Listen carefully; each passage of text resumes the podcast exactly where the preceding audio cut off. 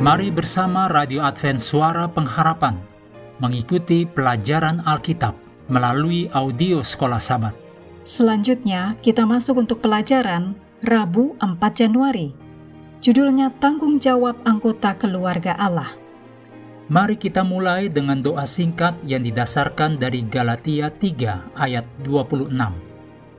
Sebab kamu semua adalah anak-anak Allah karena iman di dalam Yesus Kristus. Amin.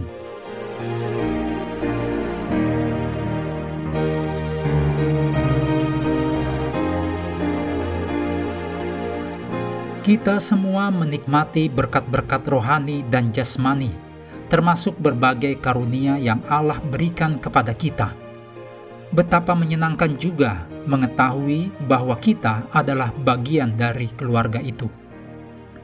Ulangan 6 ayat 5 dikatakan, Kasihilah Tuhan Allahmu dengan segenap hatimu, dan dengan segenap jiwamu, dan dengan segenap kekuatanmu. Matius 22 ayat 37, jawab Yesus kepadanya, Kasihilah Tuhan Allahmu dengan segenap hatimu, dan dengan segenap jiwamu, dan dengan segenap akal budimu.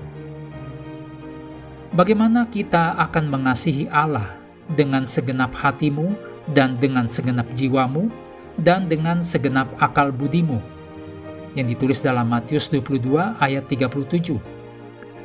Cukup menarik. Kitab suci memberikan kita jawaban dan jawaban itu tidak seperti yang banyak orang harapkan.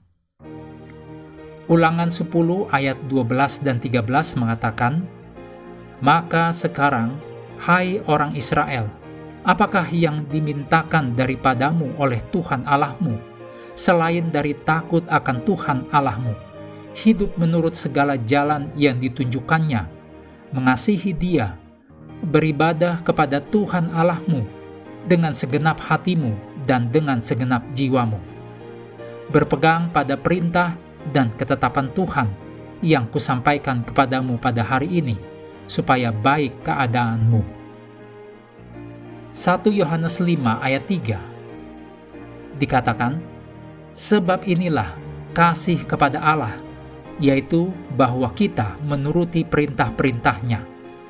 Perintah-perintahnya itu tidak berat. Berbicara secara alkitabiah, apakah respon kita yang tepat dalam hubungan kita dengan Bapa kita di surga?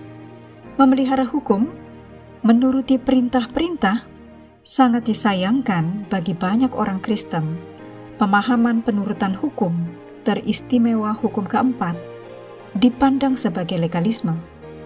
Dan mereka menyatakan bahwa kita dipanggil hanya untuk mengasihi Allah dan untuk mengasihi sesama manusia seperti diri kita sendiri. Akan tetapi, Allah begitu jelas. Kita menyatakan kasih kita kepada Allah dan kepada sesama kita dengan menuruti perintah-perintahnya.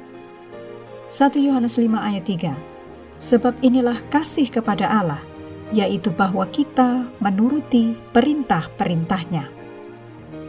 Kita terbiasa melihat ayat ini sebagaimana, ya, kita mengasihi Allah, maka kita memelihara perintah-perintahnya. Itu baik. Akan tetapi, kita dapat juga membacanya seperti ini. Inilah kasih kepada Allah, yaitu kita mengenal dan mengalami kasih Allah dengan menuruti perintah-perintahnya. Di dalam Matius 7 ayat 21 sampai 27, Yesus mengatakan bahwa mereka yang mendengar dan melakukan firman Allah adalah sama dengan seorang yang membangun rumahnya di atas batu yang kokoh.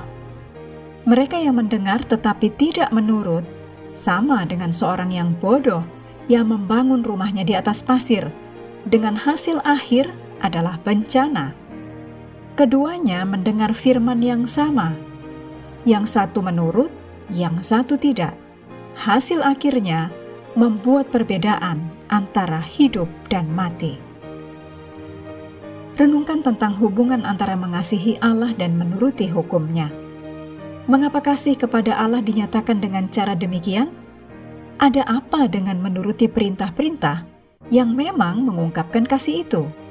Sedikit petunjuk. Pikirkan juga tentang akibat-akibat tidak menuruti hukum-hukum Allah. Mengakhiri pelajaran hari ini, mari kembali ke ayat hafalan kita dalam 1 Yohanes 3 ayat 1. Lihatlah betapa besarnya kasih yang dikaruniakan Bapa kepada kita, sehingga kita disebut anak-anak Allah. Kami terus mendorong Anda untuk mengambil waktu bersekutu dengan Tuhan setiap hari, bersama dengan seluruh anggota keluarga baik melalui renungan harian, pelajaran sekolah sahabat, juga bacaan Alkitab sedunia percayalah kepada nabi-nabinya, yang untuk hari ini melanjutkan dari 1 Tawarikh pasal 18. Tuhan memberkati kita semua.